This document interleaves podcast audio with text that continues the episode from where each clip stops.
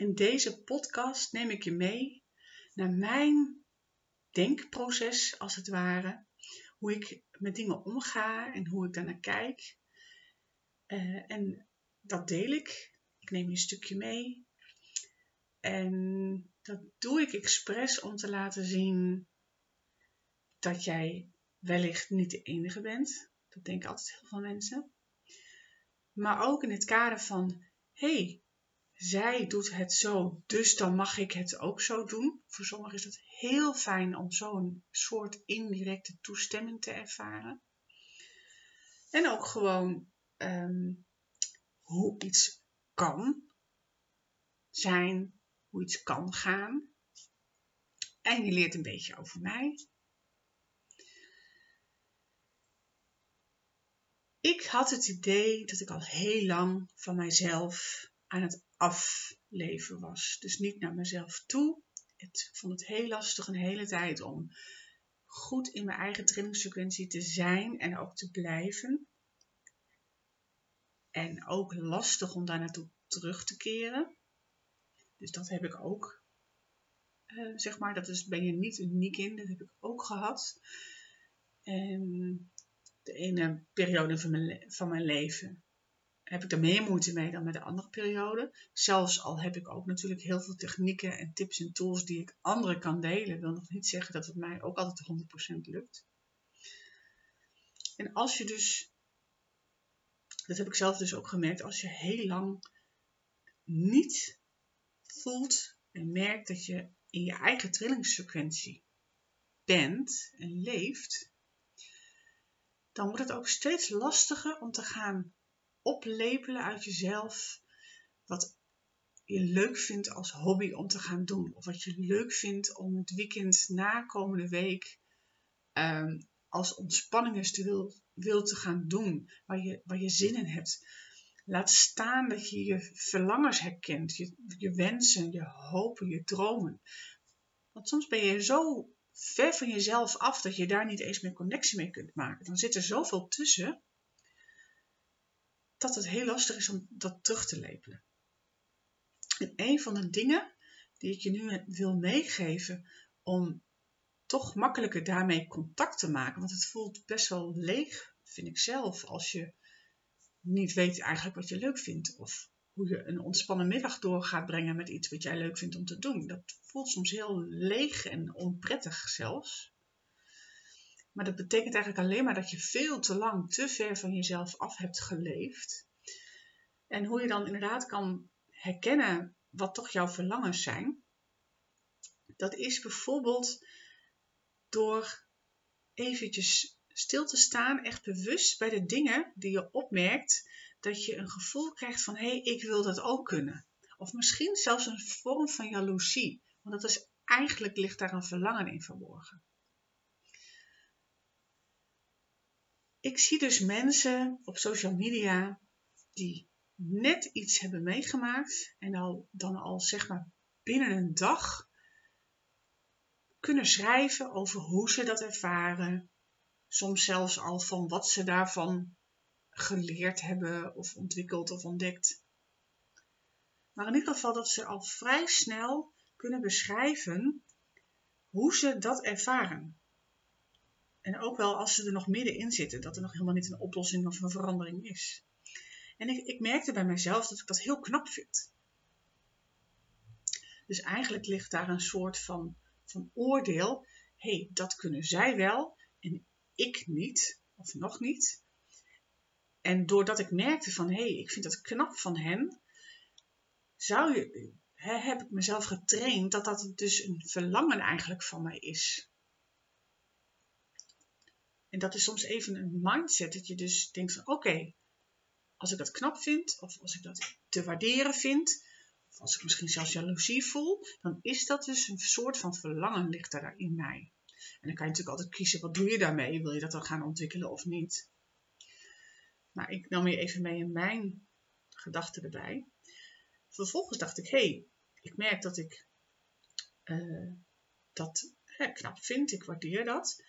En doordat ik dat kan zien, dat zij dat kunnen en ik nog niet, weet ik want dat is een soort van gouden regel, wetmatigheid, dat ik dat ook in mij heb. Want anders had ik dat niet gezien. Dus iets in mij vibreert met hetgeen zij kunnen. Want ik pik dat op.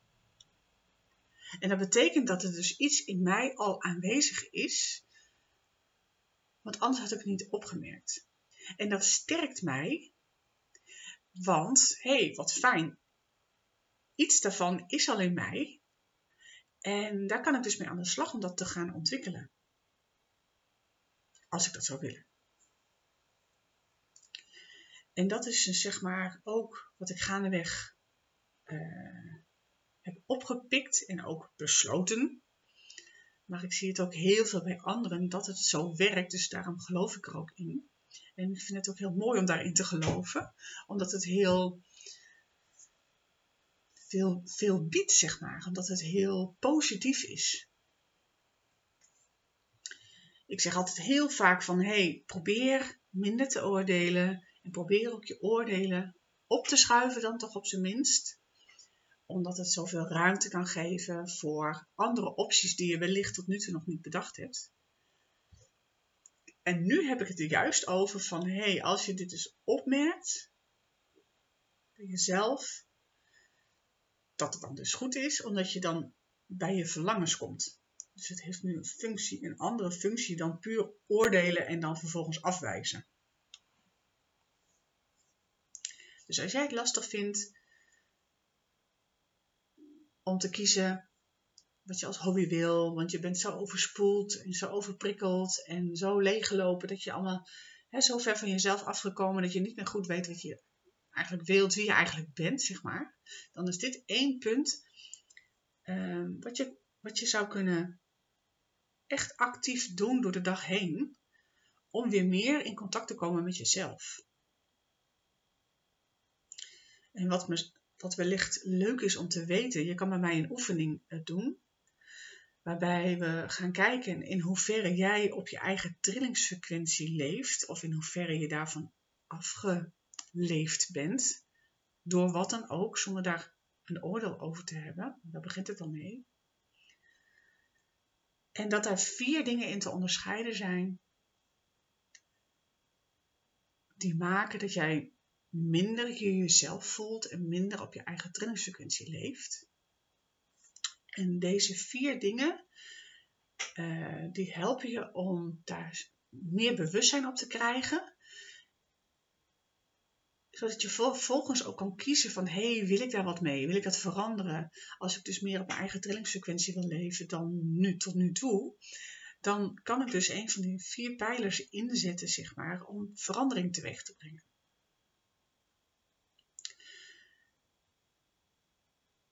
De eerste pijler is, hè, wat is jouw leven als zich? Tot nu toe.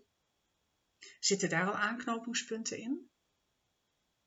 En op welke momenten zou je kunnen teruggeleiden? Ben je meer van jezelf afgestapt, af gaan leven? Dan kunnen we kijken naar wat heb je echt losgelaten. Bijvoorbeeld wat je vroeger heel graag deed. Als een hobby of, of meer om tijd door te brengen. Of hè, inderdaad waar je mee bezig was. Of hoe jij je uitte, wat je heel fijn vond. Maar wat heb je losgelaten? En dan kunnen we ook nog kijken waarom. Dat dat is een pijler. Een andere pijler is, en je zou dit eigenlijk even voor je moeten zien, dus ik, ik ga proberen of ik hierbij een afbeelding kan plaatsen. En anders uh, stuur ik een link waar je die afbeelding kan zien op mijn website. Dat is nog helderder. Dus de pijler, wat je leeft tot nu toe. De tweede pijler is, waar heb je, tot nu, waar heb je afscheid van genomen? Wat eigenlijk wel heel goed bij jou past. Hoe jou eigenlijk definieert. De derde pijler is, waar heb je echt aangepast. En dat ligt natuurlijk heel dicht bij het loslaten. Maar het ene laat je los en vervolgens doe je iets anders. Of laat je ook iets echt aangepast. Dat is de derde pijler waar je naar kan kijken. En de vierde pijler, en die is heel lastig, want die ligt achter het aanpassen en ook achter het loslaten? Wat zijn je verlangens? En soms, hè, wat ik net zei, is het heel lastig om daar dus bij te komen. En is het eerst nodig om die aanpassingsdingen te veranderen, of los te laten, of terug te draaien, of doorheen te breken. Omdat er dan pas ruimte komt. Want je hebt namelijk niet voor niks je aangepast in je leven. En ik heb het hier over, dat is dus hè, om dit in je bewustzijn te krijgen van onbewuste dingen die zo subtiel en zo dagelijks aanwezig zijn, dat het voor jezelf een soort logica is geworden, ook al wil je het soms niet eens, maar dit is ja, een patroon uh, wat lastig is om überhaupt te herkennen, laat staan daar veranderingen aan te brengen. En nou, dit is dan één vorm om daar ondersteunend in te zijn. En wellicht uh, kom je hier al een heel eind mee toe. Ik ben heel benieuwd. En heb je hier vragen over? Of je wilt juist uh, nou, dat ik een stukje met je meeloop? Dan kan je me natuurlijk ook berichten en dan kan ik je aangeven wat ik voor je kan doen. Dus, nou, een inkijkje in hoe ik werk, uh, hoe ik tegen dingen aankijk, hoe ik dingen oppik, hoe ik leef. En dat dat dus ook niet altijd zomaar um, nou, van een leien dakje gaat. En dat dat ergens ook oké is. Want daardoor ben ik ook hier zoals ik nu ben. Met al mijn bagage, de mooie dingen waar ik van kan delen, levenservaring. De dingen waarvan ik denk, oh, dat wil ik niet meer of dat wil ik anders. Dat is natuurlijk ook hè, iets wat ik heb moeten ontdekken, zeg maar. Om daar ook bewust mee aan de slag te gaan. En dat is natuurlijk ook wat ik deel in mijn podcasts en blogs en sessies. En het mooie is dat voor mezelf vind ik dat mooi, dat ik steeds meer leer om daar minder oordeel op te hebben, maar dat ik het zie als uh, dit is geweest en dit heeft me ook hier gebracht. En dat is soms heel moeilijk als je heel erg zware dingen hebt meegemaakt. Om daar zo dan dit oordeel over te hebben. En juist als dat wel lukt, kan daar ook enorm veel kracht in zitten. En dat is iets waar je ook aan, ja, toe moet zijn. En ook de intentie voor moet hebben om dat op die manier te willen kunnen zien. Want dat is niet dat je dat maar eventjes zo ontdekt. Dat vraagt echt wel werk en moed. En hè, dat vraagt allerlei dingen. En toch, wat je tot nu toe hebt meegemaakt, heeft je ook hier gebracht. En dan kun je kijken naar de vier pijlers, jouw leven. Wat heb je losgelaten? Waar heb je je aangepast? Dat je dingen wel doet of juist niet. En dat je dan uh, ook weer op zoek gaat naar je verlangens en je wensen en je dromen. Zodat het plaatje steeds meer completer kan gaan worden. Heb je hier vragen over? Of wil je meer informatie? Of wil je dat ik een stukje met je meekijk? Voel je welkom. En check dan even mijn website ansroosendal.nl voor uh, contact met mij op te nemen. Dag!